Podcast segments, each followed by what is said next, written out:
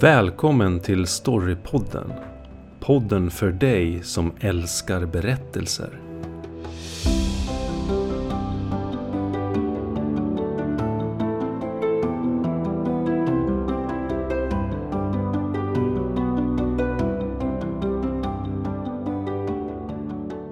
Hej och välkomna till Storypodden. Idag ska vi prata om hur man skapar spänning i, i framförallt deckare, rysare och skräck med flera. Så då kör vi! Yes, och vi kommer korsera lite då kring en mängd olika subgenrer och olika slags berättelser och det kommer vara allting från spökhistorier och Agatha Christie, Edgar Allan Poe, sådana saker som man tänker på när det gäller skräckberättelser, gotik, skräckromantik, Sherlock Holmes, Hitchcock-filmer, Stephen King, Gudfadern, gangsterberättelser. Det här med spänningsberättelser kan vara alltså många olika slags berättelser. Polis möter tjuv, Sjöwall Wahlöö, Swedish Noir, När lammen tystnar och Seven. Det finns alltså en mängd olika varianter. Men vi ska börja med en TV-serie. Den första säsongen av True Detective. Som kom för några år sedan. Eh, och eh, det är en eh, klassisk, kan man säga, detektivhistoria. En så kallad Who's Done It. En historia då som handlar i sin grund om poliser som ska leta efter en mördare.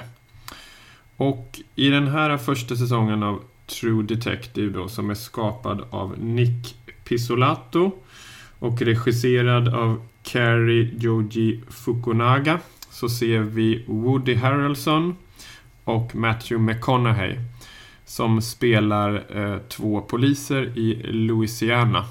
Eh, kriminaldetektiver. Eh, och ehm, det finns inledningsvis en slags ramberättelse där de här två eh, poliserna blir intervjuade av två andra poliser.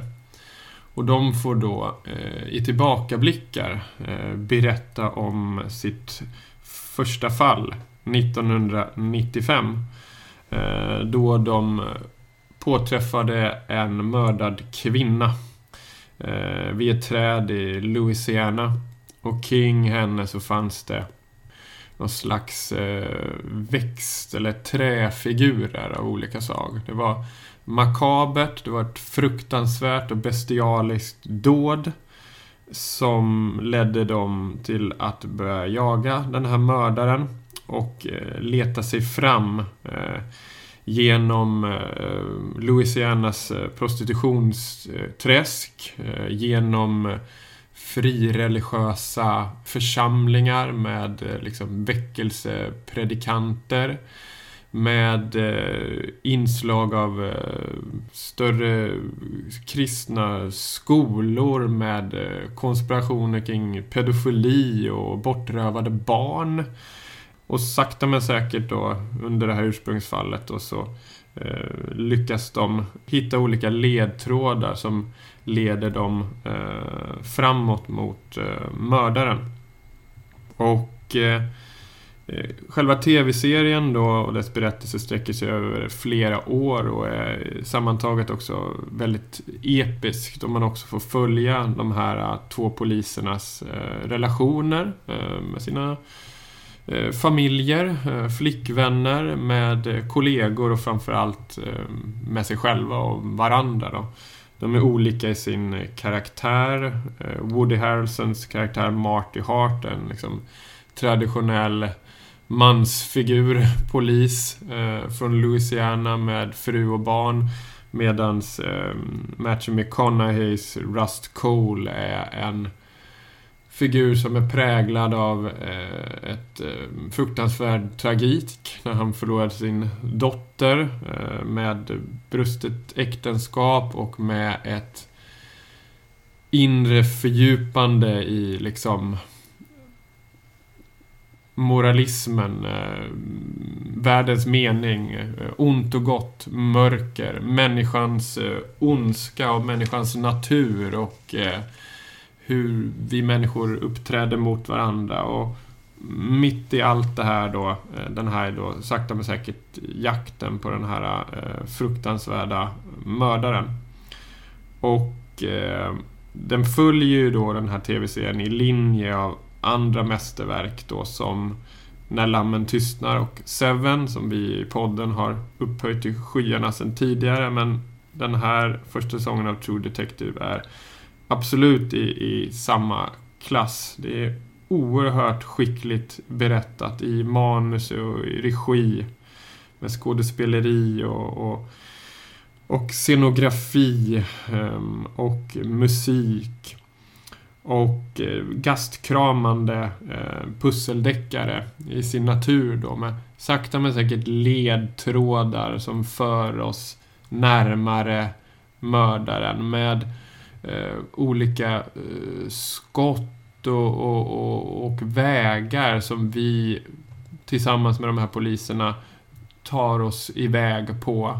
Eh, vi möter olika andra karaktärer, får höra deras sidohistorier och deras öden och sakta men säkert lägger man pusslet fram då för att ja, försöka hitta den här mördaren då, precis som i en klassisk detektivhistoria. Men det är också så mycket mer, att man diskuterar temat och, och livet och ont och gott och, och, hur vi människor är mot varandra och hur vi kan präglas av, av arbete, av det som händer oss, av, av, av kärlek och relationer och, och makt och, och, tragik. Då.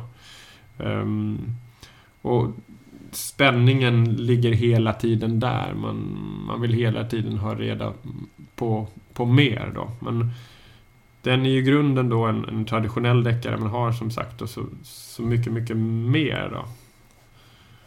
Vad kände du när du såg den här första gången? Jo, oh, det är väldigt, väldigt bra och spännande. Och de har ju lyckats skapa en otrolig Eh, Eh, alltså känsla och eh, stämning i, i, i tv-serien. Det är ju verkligen, eh, vad säger man, sydstat i USA och allt vad det innebär liksom. Och lite smutsigt och skitigt och folk är trasiga och man har problem och Matthew McConaugheys karaktär tror jag är ute och cyklar också rent liksom var, för han har ju varit undercover mycket märker man. får man väl reda på i någon sån här MC-gäng och grejer och kanske rent moraliskt ute och liksom svänger lite där i förhållande till lagen va? Och, och den polismyndighet som han tillhör på något sätt. Så, att, så att det blir en bra clash också mot Woody Harrelsons eh, liksom, lite mer, ska man säga, han är ju också problem. Han har ju problem med aggressioner och grejer. och att han är ute och liksom vänstrar mot sin fru och ändå liksom... Det, är många lager i den här serien. Alltså det är hyckleri inför sig själv och man ljuger på många olika nivåer, även för sig själva. Och, ja, nej, den är riktigt, riktigt stark alltså. Det, det måste jag säga. Ja. Och... Eh just det här med det, det, episka, att den också pågår under lång tid, gör att det, det står ut lite extra. Det blir något mycket mer än, än en sån här liten detektivhistoria. För så var ju ofta de här Who's Done It-historierna från början i sin, i sin rena kärna. Liksom, att det handlar om en polis som ska ta fast mördaren och sen liksom får man bara följa den här polisens perspektiv. Och det är sådana historier vi hittar hos liksom, ja, men Agatha Christie eller något liknande. Då. Ja, ganska eh, mindre historier egentligen. Men hela den här genren eh, har ju växt och, och subgenrerna går in i, i varandra. Och just i True Detective så, så växer det på och blommar ut på, på flera, flera eh, olika eh, håll. Då. Och väldigt grafiska mord alltså med nästan rituella mord med, som är väldigt iscensatta. Alltså nästan, ska man säga, regisserat så. Och det, det blir ju, det gör sig väldigt bra på, på duken så, eller på TVn. Det blir, det blir ett mysterium bara i det. Vem lägger ner så mycket tid på att döda en människa och arrangera dem på det där sättet som, som den första kvinnan de hittar till exempel.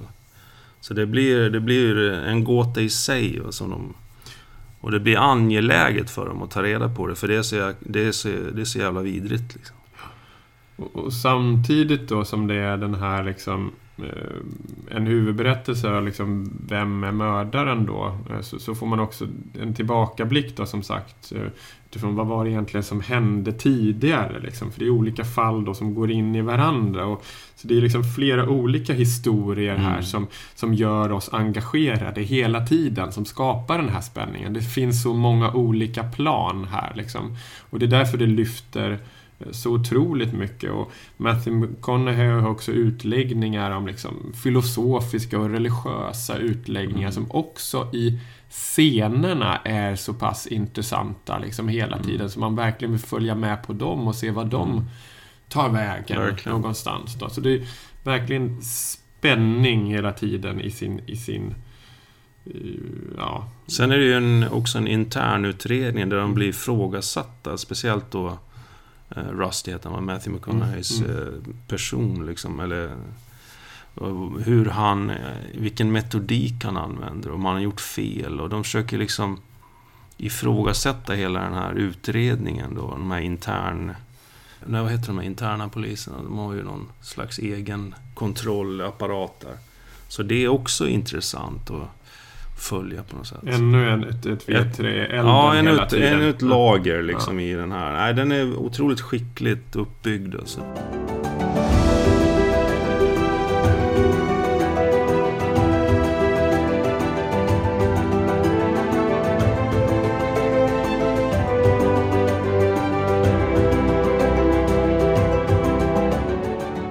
vi har väl något eh, litet liknande här då. En, eh, en thriller eller deckare ska man kunna säga då. Eh, jag tänkte börja med att läsa lite här. Eh, darkness. Darkness for a long time. Open my eyes and close. Open and close. The same. Darkness inside. Darkness outside. I'd been dreaming. Tossed around in a black dark sea. staked out on a mountain in the night. An animal I couldn't see sniffed and snuffled around me. I felt a wet nose on my skin. When you know you're dreaming, you wake up. Sometimes you wake into another dream. But when you wake and nothing changes, that must be reality. Det här är inledningen på Land of the Living, eh, eller eh, De levandes, vad heter den på svenska nu De levandes rike från 2003 av Nicky French som är två brittiska författare och journalister. Eh, Nicky Gerard och Sean French, ett gift par. Då. Ehm, det handlar om eh, en kvinna som eh, Abby då, som vaknar upp bunden, slagen med munkavlor och, och liksom hon ser ingenting, hon kommer inte ens ihåg liksom, den sista, eller den senaste veckan. Och så där. så att hon, hon är bunden och det finns en mördare där som berättar att han har mördat eh, fler kvinnor som, som henne då, och hon kommer att dö. Liksom. Så hon, hon eh, försöker hänga sig själv med ett rep som hon är bunden till. Då. Och repet går av och hon kommer loss och flyr hon tar sig hem och ingen tror på att hon har varit kidnappad och sådär. Hon, hon, hon kommer inte ihåg så mycket så hon försöker liksom ta reda på vad som har hänt den sista veckan. Och, och hennes pojkvän är hennes ex nu och hon bor någon annanstans än hon trodde. Och allt är lite förvirrat sådär så hon börjar ifrågasätta sig själv också. Och samtidigt så finns den här mördaren liksom ute där och försöker leta reda på henne. Ja, nej men det är en otroligt eh, spännande eh, roman. Och det intressanta här egentligen tycker jag när jag läste, jag, ja du vet jag är inte mycket för deckare egentligen, men det här är ju en deckare sett från offrets perspektiv och det tyckte jag var väldigt eh, fräscht då när jag läste den. Ehm, men den, den har fått bra reviews och folk tycker den är otroligt spännande. Det tyckte jag också. Det är en riktig page-turner. Alltså den, den, eh, den är intressant liksom. Just det att man vet inte riktigt vad som... Ja, hon, eftersom hon börjar ifrågasätta sig själv så är det ju... Ja, det blir lite intressant liksom. Och det, det är svårt att lägga ifrån sig den. Men eh, ja, den eh, rekommenderar jag. Men det verkar ju vara, verkligen vara så här att det, det är liksom ledtrådsjakt på något sätt och pussel Mm. utifrån hennes perspektiv då. Och det är det man brukar prata om när det här med skapa spänning, det här med uppdaganden. Eh, att man lägger ut ledtrådar och ny information då, gör författaren då i, i berättelsen. Som då huvudkaraktären får reda på och får lära sig lite mer. Och, och en till liten ledtråd, till uppdaganden och så vidare. Och man får inte säga för mycket på en gång för då stjälper man ju allting. Utan det ska Mm. vara små Mm. saker. Men det här med också med eh, rökridåer verkar det vara i det här liksom. Mm. Ja, att man kanske lägger ut saker som får både huvudkaraktären och läsaren att liksom tro att den går åt ett håll och sen är det inte så. Mm. Ja. Och det ger också den här ovissheten och skapar ännu mer spänning va, hos, Mm. hos läsaren eller tittaren. Liksom. Och, och mm, Det är ju intressant att i de här genrerna med spänningshistorier så finns det mycket, väldigt mycket klichéer, ofantligt många. Liksom.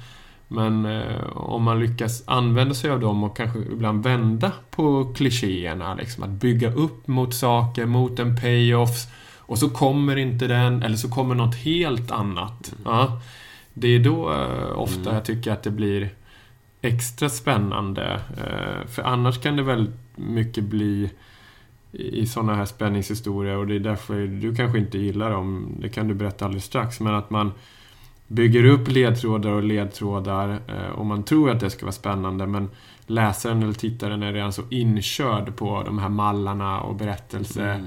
mallarna sedan tidigare så de vet att det kommer hända. Ja, det blir ett mord där, eller någon försvinner och så kommer poliserna och så eh, är det brottsplatsutredningen och så får de leda på lite en till grej och så söker de en till grej och sen sakta men säkert ja, så vet man att det blir en duell i slutet. Men Mm. om man kan tweaka på det där, twista till det lite mer så Mm. eh, är det ofta förhöjs det ännu mer. Och just i den här hi- historien verkar det också vara som om man man har den här Who's Done It-grunden som också kommer in eh, så kommer thrillergrunden in i den då. För thrillerberättelser Mm. brukar Mm. man ju aldrig Mm. säga. Det är sådana berättelser där ett hot kommer då. Ja, huvudkaraktären är utsatt för ett hot. Att Ja, mördaren i det här fallet hela tiden Mm. finns där också då. Va? Eh, så där möts liksom två subgenrer eh, i det här. I det här ehm. Och det är ju intressant eh, karaktärsmässigt också. Mm. Hon är en vanlig kvinna så, men, men hon har ju en inre styrka som gör att hon liksom verkligen tar itu med det här problemet och vågar att ta reda på vad som har hänt henne. Och i och med det, att hon börjar leta liksom, ledtrådarna tillbaka i tiden den här veckan. Vad, vad är det som har hänt?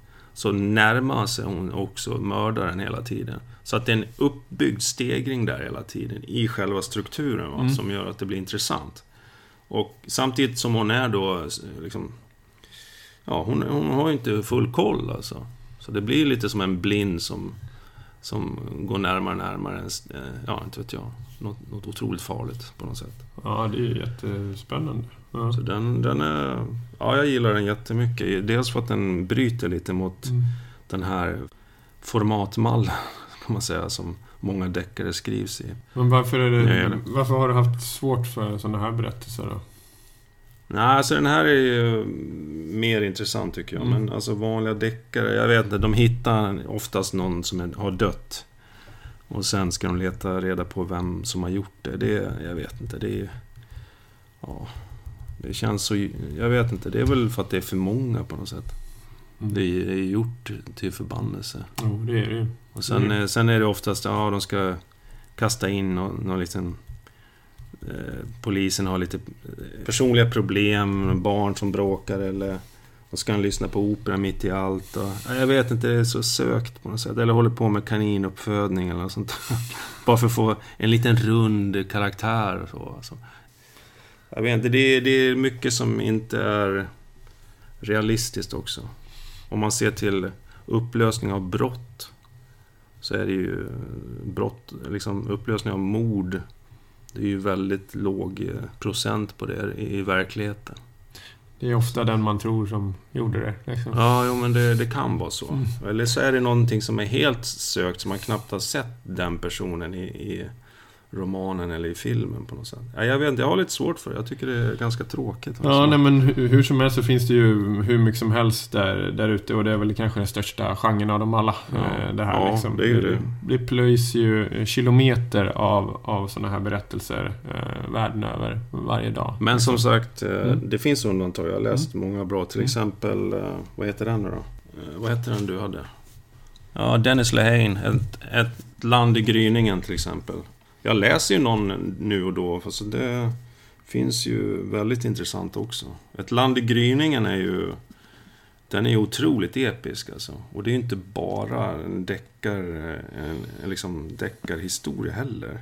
Utan den, den beskriver hela amerikanska samhället på 50-talet eller vad det var va? Var inte det 50-talet? 40-50-talet för mig? Eller ännu tidigare kanske det var. Ja, 30-talet. 30-talet var det Mm. till och med. Och och det är lite gangster och Ja. så och, och Amerika håller på att byggas upp och Dennis Lehane är ju en av de, de största kriminalförfattarna Mm. som har eh, skrivit hur många eh, klassiker eh, som helst eh, som också har blivit filmatiserade flera gånger om. Så, så han är Mm, verkligen ett tips. Och språket han använder, Mm. alltså han...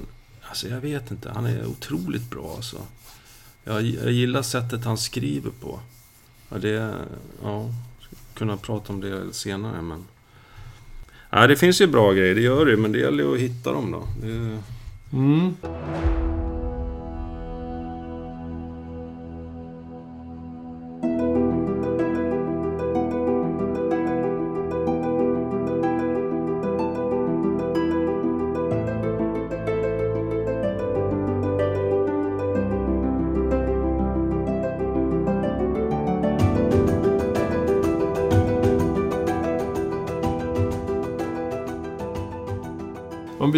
Vi återgår lite där till, med thriller och, och hot då och så. Och kommer in då lite på det här med skräck då och går tillbaka lite i, i tiden då eh, kring spänningsberättelser. Eh, så tänkte jag då eh, ta upp en, en, en klassiker då. Eh, och det är ju då eh, Mary Shelleys eh, Frankenstein eller som den också då eh, heter eh, i, i ursprung då, den moderne eh, Prometheus. Eh, och eh, det här känner ju alla till, en av de mest eh, ja, klassiska berättelserna. Eh, en ikonisk historia, utgiven första gången 1818. Brukar också anges som den första science fiction-romanen då. Eftersom den då eh, berör i grund det här med vetenskap, teknik och maskiner då, som man brukar säga är liksom eh, det som framförallt ska eh, vara signifikant för en, en science fiction-berättelse. Ehm, och den har ju då blivit filmatiserad flera gånger om och det har kommit uppföljare och, och, och liknande. Eh, och man kanske inte känner egentligen till då hur, hur den är uppbyggd från början. Den är uppbyggd faktiskt som en slags eh, brevroman. Och, och brevromaner kanske inte är jättevanliga nu för tiden, men var, eh, har varit väldigt eh, vanliga och populära, bland annat under eh, 1800-talet. Och under romantiken och så då. Och eh, inledningsvis så är det faktiskt eh, en, en helt annan karaktär som är i, som skildrar historien. Eh, och han heter Walton, Robert Walton och han är polarforskare och inledningsvis berättar han då att han är i, i Arktis och har där stött på då Victor Frankenstein, vetenskapsmannen och att de då, eh, Frankenstein jagar det här då odjuret eller monstret eller eh, skepnaden eller varelsen då som eh, den benämns då. Och sen får man då via Walton men också via Frankenstein själv och sen också varelsen själv då, monster eh, gestaltat för sig hela den stora berättelsen i tillbakablickar och ännu mer eh, framåt då. Och i sin kärna så handlar det då om den här vetenskapsmannen, eh, Victor Frankenstein. och eh, hans intresse för döden då och eh, benägenheten att liksom se om man kan skänka liv åt döda ting och, och skapa en helt egen och ny varelse utifrån död materia. Då. Eh, och det är ju det som han lyckas göra när han skapat monstret då liksom It's alive! Ja. Eh, och så kommer det här Frankensteins monster eh, till liv då men det monstret och varelsen har ju inte den förmågan eller blir på det sättet som, som Frankenstein har trott från början och tänkt då. utan monstret behöver liksom lång tid på sig för att eh, hitta sig själv på något sätt och utvecklas åt ett håll då som eh, Frankenstein inte har trott eh, eller, eller vill då. Och monstret liksom vandrar iväg och försöker lära känna andra människor och undrar mer om, sitt själv, mer om sig själv och hans utseende då skrämmer andra och han möts av hat och rädsla och, och ett stort liksom hämndbegär också så att det blir som en stor konflikt mellan då Frankenstein och monstret och genom olika turer så, så äh, drar eh, monstret iväg och, och, och, till slut kommer bort mot Nordpolen och Arktis och, och både Frankenstein och den här eh, andra Walton jagar liksom monstret sen då. Och den stora tematiken handlar ju här om det här med liksom att människan försöker leka Gud och eh, skapa andra varelser och andra människor och, hur då en människa eh, bör vara. Eh, det handlar om det främmande, det otäcka, det okända också som, som möter oss då. Och den är ju då också liksom ja, befläckad väldigt mycket av, av, upplysningens idéer och romantikens eh, idéer då, eh, från den här tiden. Då. Eh, människa mot natur och, och så vidare. Då. Eh, men också då eh, en historia som verkligen då mm, skapade spänning. Det här var något helt nytt, liksom, den här slags ikoniska berättelsen. och eh, just det här med, med ett varelse som inte är som, som vanliga människor och, och, och eh, hur den kan sätta skräck eller, eller eh, möta andra människor eh, var ju också någonting som var, som var nytt och, och väckte otrolig spänning och nyfikenhet. Och den sattes upp i olika pjäser och hon skrev nyversioner av den, Mary Shelley, och den har ju som sagt filmatiserats i hur många eh, oräkneliga uppsättningar som helst. Med ja, bland annat Boris Karloff som, som spelade Frankensteins monster under filmatiseringarna under, under 20 och 30-talet bland annat. Och den lever verkligen eh, kvar eh, hos oss då. Skräckromantiken, eh, gotiken, romantiken. Då. Mm, jag läste om den här för något år sedan bara. Jag tycker den är fantastisk alltså. alltså dels för att eh, alltså en så ung människa kan skriva en sån här otrolig roman ändå. Faktiskt. Jag gillar också att det är en... Det pratar man ju om idag, att man inte använder så mycket kanske, men en berättarröst, en stark berättare i berättelsen så att säga, som beskriver vad som har hänt på något sätt. Det gillar jag. Jag gillar det faktiskt. Mm.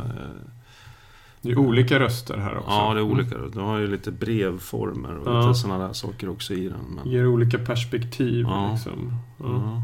Så, så det är verkligen ett tips att ta sig an Frankenstein och liksom också komma undan de här klichéerna som, som finns kring den här berättelsen och upptäcka den som en, som en idéroman också, som det absolut är. Men det har ju sen dess då, sen den kom då, liksom, också då genererat massor med andra slags monsterberättelser. Mm. Och det här med monsterberättelser har ju blivit jättestort och är ju så eh, än idag. Liksom. Det, det allra hemskaste, våra mest fasansfulla mardrömmar som kommer mm. till liv. Historier mm. då man ska verkligen sätta skräcken och rädslan i, i betraktaren eller läsaren eller tittaren för att få den liksom att känslomässigt liksom ah, eh, huttra till flera gånger det, om och inte men, våga titta. Men den är ju också filosofisk också. För det, mm. det finns ju en frågeställning där som är, har ett skapat liv rätt att leva sitt eget liv på något sätt? Och det kan man egentligen dra parallellen till om vi skulle skapa AI som får ett eget medvetande till slut. Vad, hur, hur förhåller sig vi oss till det? Liksom? Men det är en annan diskussion. Men, ja, otroligt intressant roman, det måste jag säga. Men om vi går mer till det här med andra monster. Ja, men jag har ju en av mina absoluta eh, favoritfilmer. Det är Alien och Alien 2 då. Men just Alien är ju... Ja, den är ju från eh, 79 redan. Så den har ju några år på nacken, men den håller än idag. Den handlar ju om eh, ett, ett kommersiellt rymdskepp, Nostromo, som är på väg tillbaka till eh, jorden då. Besättningen på det här skeppet. De får ett eh, nödrop, en anrop från en eh, måne och är tvungna att kolla upp det här. Då. Och eh, tre stycken kollar upp eh, ett rymdskepp som finns där. Då ett gammalt rymdskepp som är kraschlandat. Då hittar de något ägg där. Och en av eh, besättningsmännen får någonting över sig. Liksom ett, ett livsform över sig som stryper runt halsen och eh, håller i ansiktet på något sätt.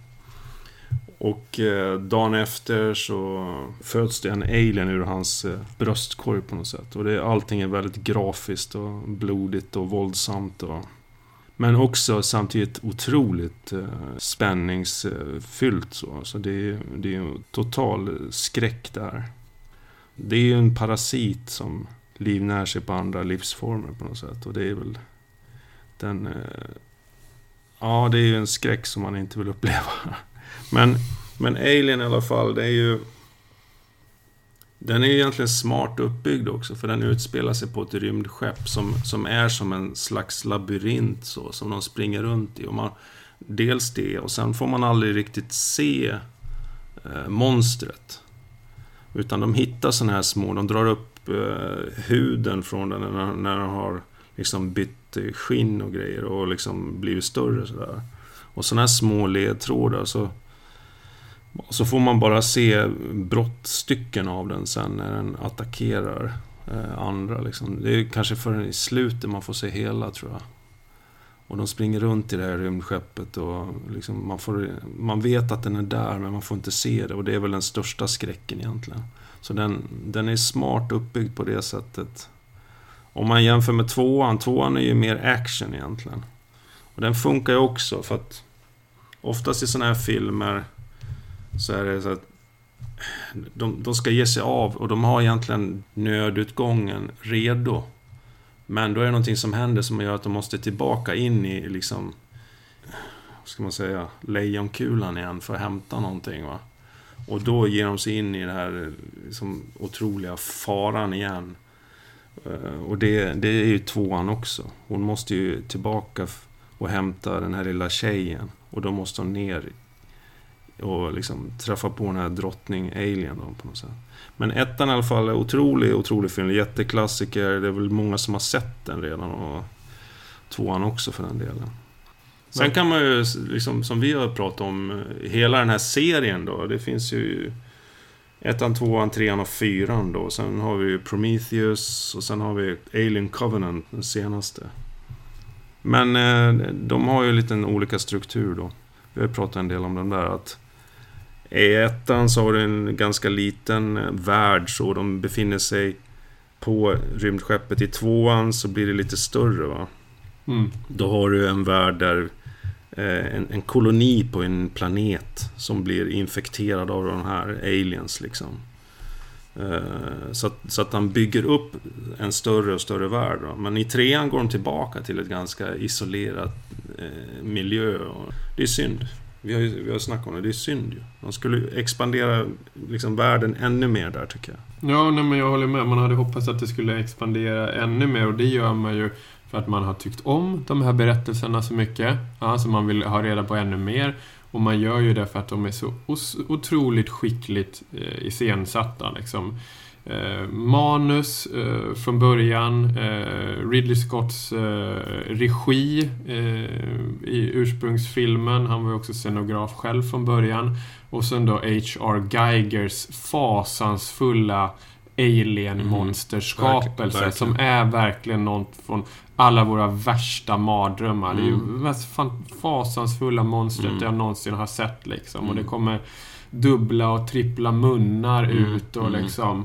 Ja, eh, som är verkligen något helt eh, fruktansvärt. Och när det gäller ursprungsfilmen också så är den ju så skickligt byggd för att i början så har vi ju de här besättningsmännen på Nostromo och ingen är för mer eller större än någon annan. Liksom.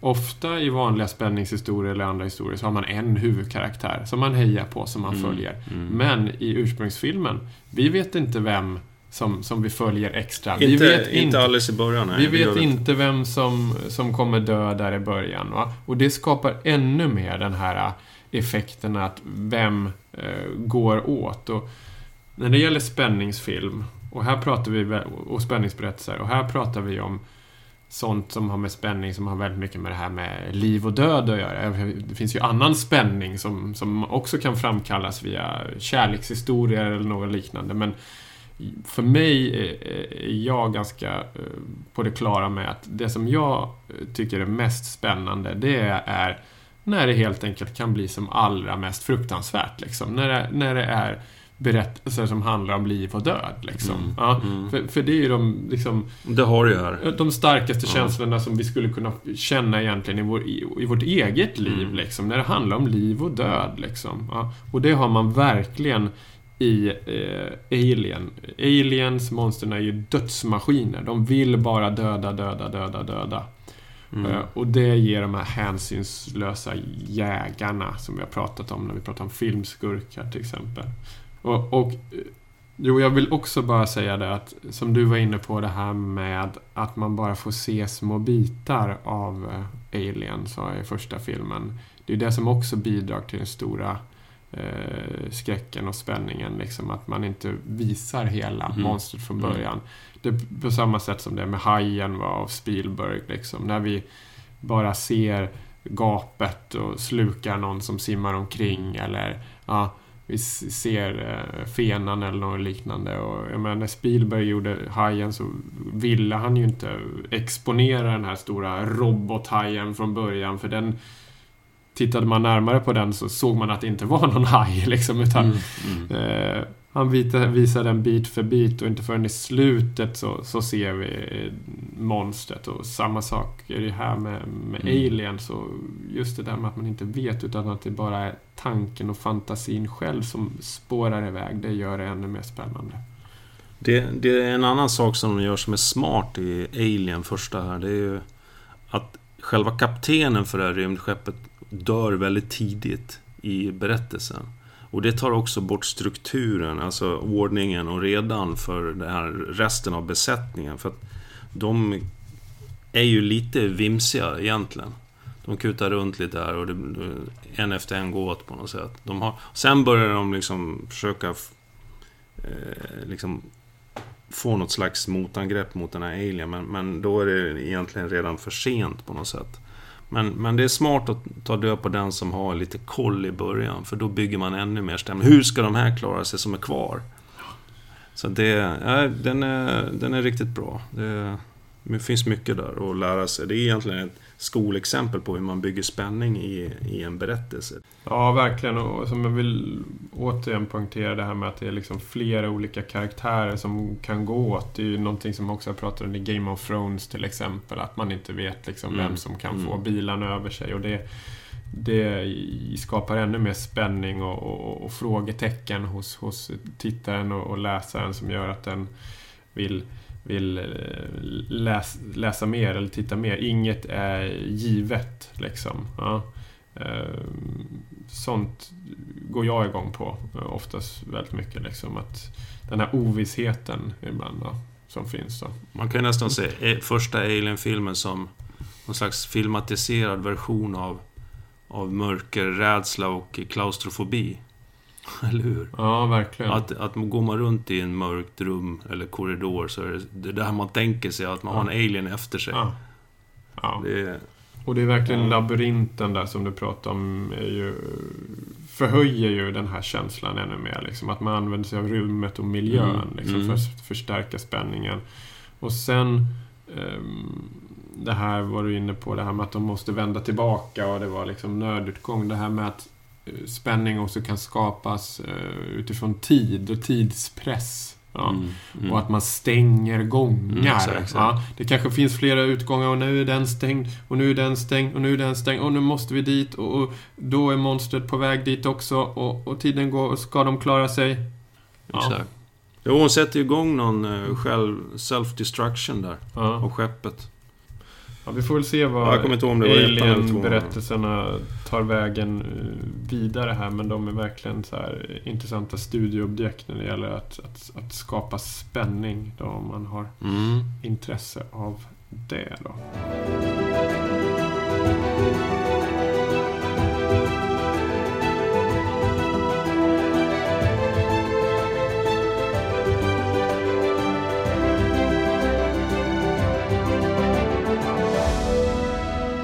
Vi ska gå över till en liten annan subgenre här innan vi eh, avslutar. Och, eh, det är den subgenren som eh, brukar kallas ibland för liksom crime, kallar man det för. Eh, eller liksom brottsberättelser. Eh, som inte är riktigt det här detektivhistorier Who's Done It och inte kanske heller liksom thriller och hot på samma sätt. Utan som har fokus på kampen och konflikten mellan minst två olika parter. Det kan vara polis mot tjuv. Ja, och då man får följa båda sidor. Ja. Det handlar om makt och kontroll ofta då, och strid då är det fokus på.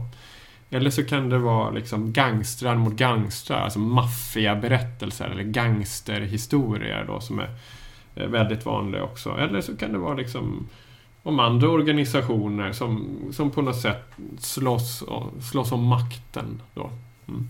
Och här finns ju till exempel ja, men, ja, polis och tjuvhistorier eller, eller, eh, eller liksom gangsterhistorier som, som, som Gudfadern eller Goodfellas eller eh, vad det nu är. Liksom då. Men det jag tänkte och ta upp då, det är en eh, tv-serie eh, som eh, har gått just nu under de senaste åren då.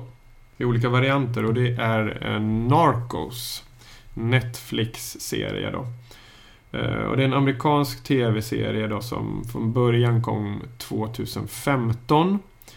Ehm, och där finns det väl tre säsonger i det som kallas för Narcos och sen kom det en slags uppföljare som eh, delvis liksom fortsätter efter Narcos och det är Narcos Mexico. Och där finns det väl eh, i skrivande stund också då tre säsonger då. Eh, och den här ursprungliga Narcos då eh, fokuserar på eh, knark och kokainkarteller i eh, Colombia. Colombia. Eh, och bland annat får, in, får man inledningsvis då följa då knarkkungen Pablo Escobar då. Och hans eh, kartell och, och anhang. Och hur på, det på motsatt sida då finns eh, två stycken amerikanska eh, DEA-agenter, alltså Eh, the Drug Enforcement Agency är det väl, liksom eh, knarkpoliser som, som jobbar i, i Colombia tillsammans med den colombianska polisen och eh, militären då. För att försöka stoppa och motarbeta Pablo Escobars gigantiska knarkimperium då. Det så legendariska då. Och det är hela tiden en, en katt och råtta eh, katt och råtta-lek. Eh, och eh, man gör insatser eh, mot varandra.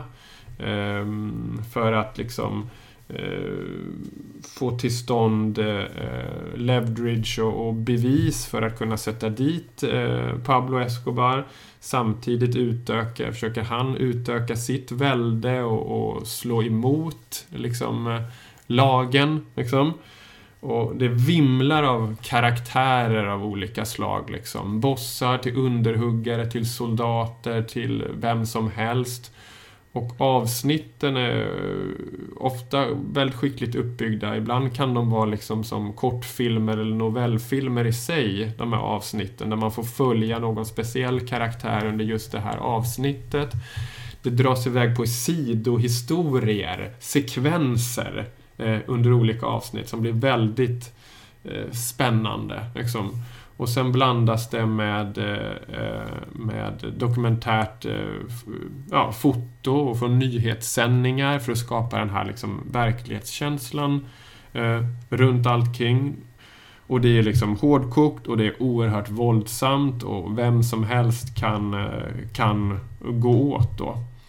Och, och, de första tre säsongerna är ju i Colombia och då dyker andra karteller upp som slåss mot varandra. Eh, Medellin-kartellen, eller ja, som Pablo Escobar var ifrån då, och Cali-kartellen bland annat. Och sen då i den här eh, serien om Mexiko så är det ju hur många olika karteller som helst då som, som slåss eh, om makten då. Det är Tijuana-kartellen och, och och eh, Sinaloa-kartellen och, och, allt vad de heter. Och, och då är det också eh, olika DEA-agenter från USA och från Mexiko som försöker komma åt de här då. Eh, och då är det verkligen sådär, vem som helst kan gå åt och, och, vad som helst kan hända. Och väldigt, väldigt spännande utifrån det. Då. Som fart i det också. I, hela tiden händer mm. saker. Det finns så många olika karaktärer. Liksom pang, pang, pang. Ett, avsnitt som man ser som är väl på 60 minuter. Det är när man tittat på ett ibland. Man, Oj, det var redan över liksom. Så det är saker som händer hela tiden. Liksom.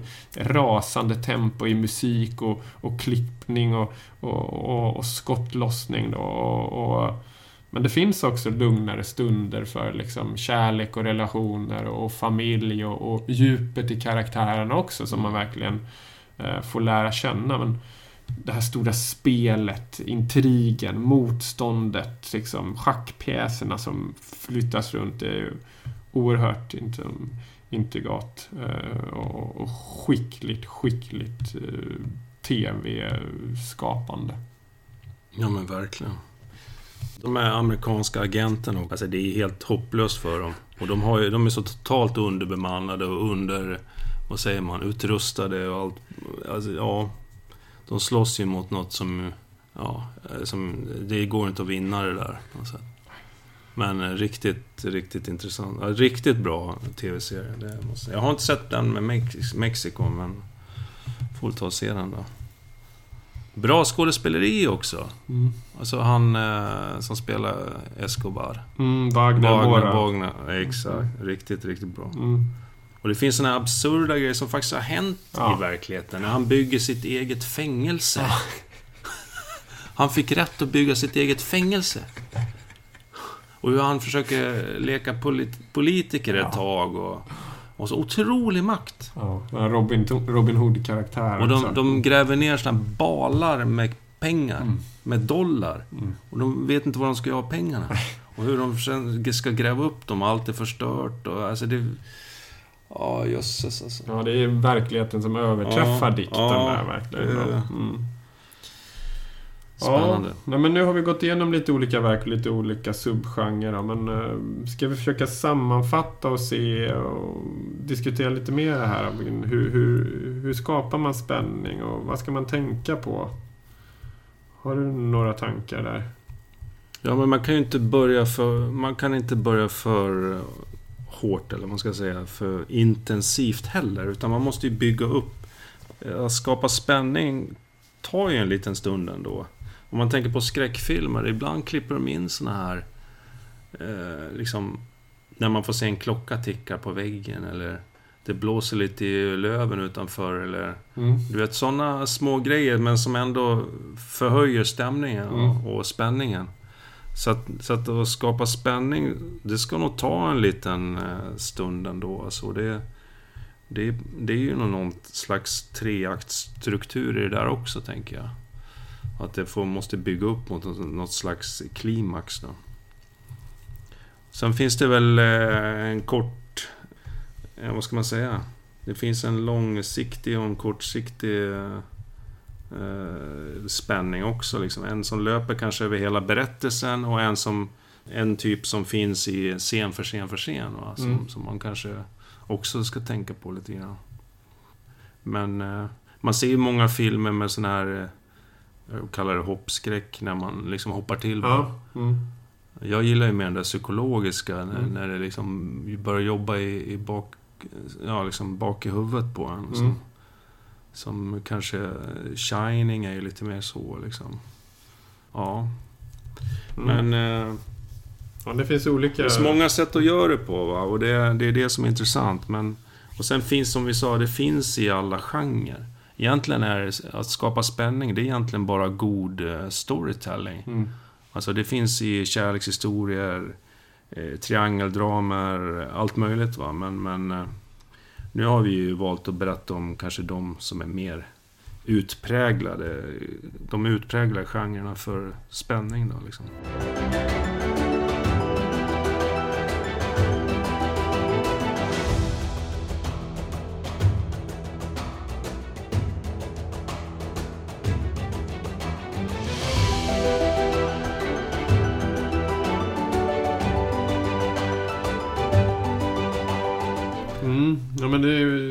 Precis. Ehm, det, det, finns ju många liksom eh, genremarkörer och, och klichéer och, och, och, så som bör finnas med. Men som vi var inne på så är det ju väldigt nött, de här nötta berättelser liksom. Och, och det kan vara en idé att liksom använda sig av klichéerna med att vända på dem. Liksom, att bygga upp en spänning med liksom med payoffs och, och ledtrådar och sen bara helt vända på det åt andra mm. hållet för att mm. liksom skapa de här historierna där man verkligen tänker men hur ska det gå nu liksom? Ja, att verkligen aktualisera den här dramatiska frågan då som ska vara brinnande hela tiden. Hur ska det gå liksom? Använder man sig för mycket av klichéer och genremarkörer på ett nött sätt liksom, då, då blir det så här, men jag vet hur, hur, vad som kommer hända. Liksom. Men, eh, ja Kanske också viktigare idag än någonsin med tanke på alla streamingtjänster som finns och den mängd av tv-serier och filmer som produceras idag. Att man måste kanske tänka om lite och eh, kanske inte när man ser en tv-serie man inte ens vet vem som kommer leva tio minuter senare kanske. Att det verkligen, ja, att det blir svårbedömt. Mm. Och att man inte ser det här mönstret i huvudet direkt. Så fort man har sett fem minuter av en film så vet man hur den ska sluta. Ibland är det så. Det är ofta så. Mm. Eh, och eh, det tror jag verkligen på. Liksom att våga bryta. Använda dem men våga bryta eh, av det. Och hitta nya miljöer. Till exempel som har varit så streamad eh, Squid Game va? Liksom. Just det. Ja, just Som helt galna miljöer. Det här koreanska mm. dödsspelet Battle Royale då. Mm. Då lite sådär halvt misslyckade människor liksom eh, får då eh, chansen eller, eller, eller inte chansen att liksom mm. överleva i ett fruktansvärt dödsspel. Liksom.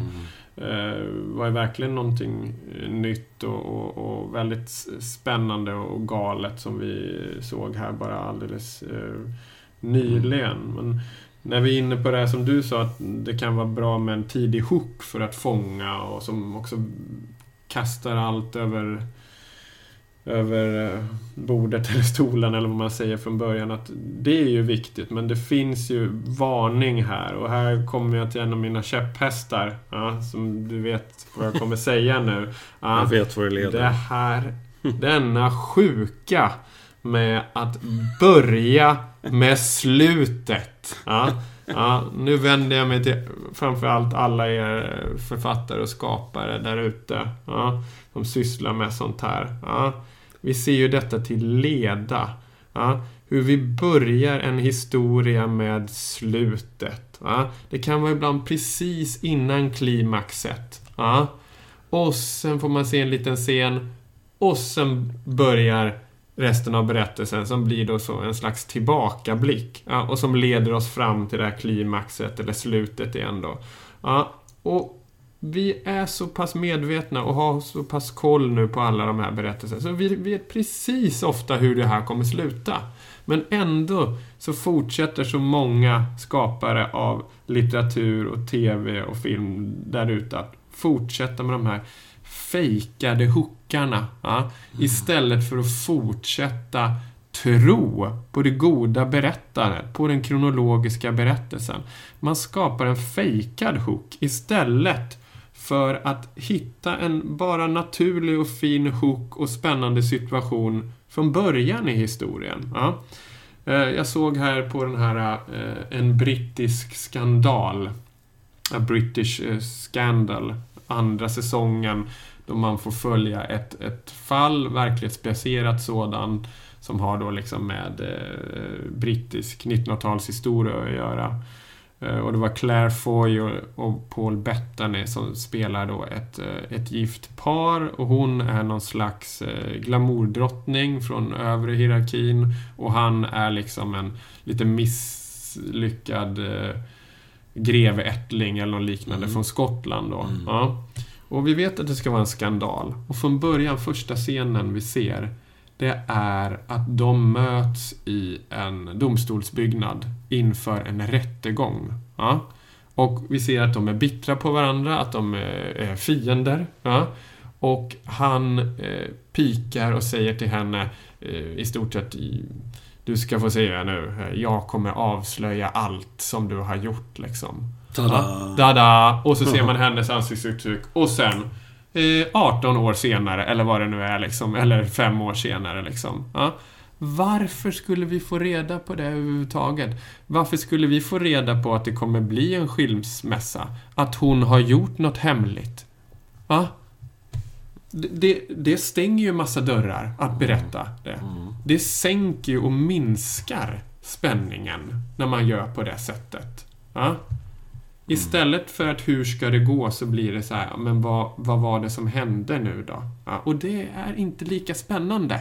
Hur ska det gå är mycket mer spännande än hur gick det nu då? Eller varför mm. blev det så här? Ja, ta bort den där mm. slutbörjan mm. och skapa en intressant scen kronologiskt istället. Tro på berättelsen. Exakt. Tro. Och samma sak liksom när man skapar någon slags trailer i början av någon berättelse som ska, man ska göra. Det kan vara poddavsnitt till exempel som man lyssnar på. Mm. Dokumentärpoddar. Och så drar de igång med en slags trailer. Klipp från hela berättelsen. Klipp, klipp, klipp.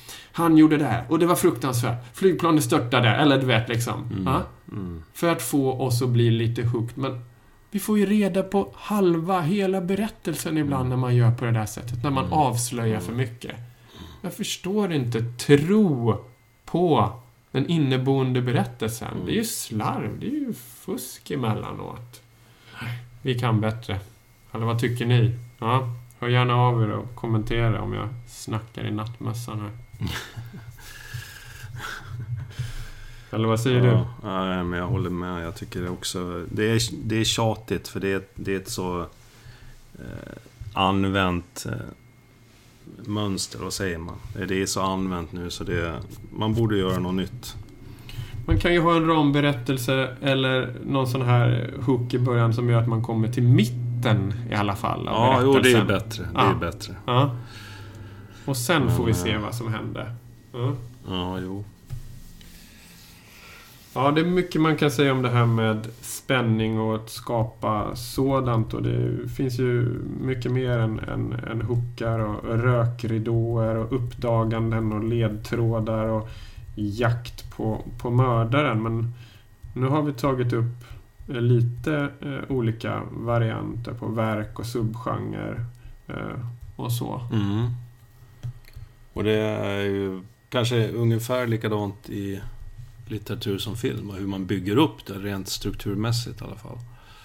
Ja, och det, när man skapar det så behöver man ju hålla på och pussla med det själv. Liksom. Stolpa upp fram och tillbaka. Ja, det kan vara en idé. Va? Den här ledtråden kommer här och sen kommer det uppdagandet, uppdagandet då och så kommer det eh, vilseledande spåret Mm, man får nästan tillbaka. börja med slutet. Om man vet hur Ja. det ska sluta så får man jobba sig tillbaka kanske. Vilka ledtrådar som behöver komma var och så. Det är ju verkligen att, att ofta jobba mot slutet väldigt mycket. Att liksom hitta på en idé för en berättelse. Har man en spänningshistoria, hoppa till slutet. Ja, Mm. Hur slutar det egentligen? Och sen jobba bakåt. liksom. Hitta de logiska Ja. punkterna. Var, Ja. vad som måste hända för att leda till det slutet och så vidare.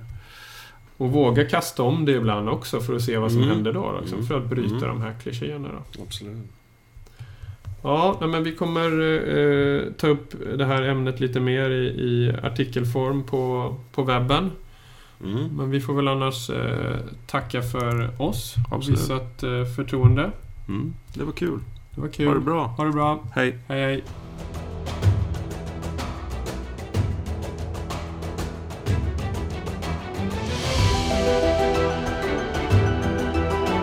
Du har lyssnat på Storypodden med Rickard Eklund och Olof Tiderman. Fler avsnitt, mer info och tips hittar du på www.storypodden.se. Vi finns även på sociala medier i form av Facebook, Twitter och Instagram.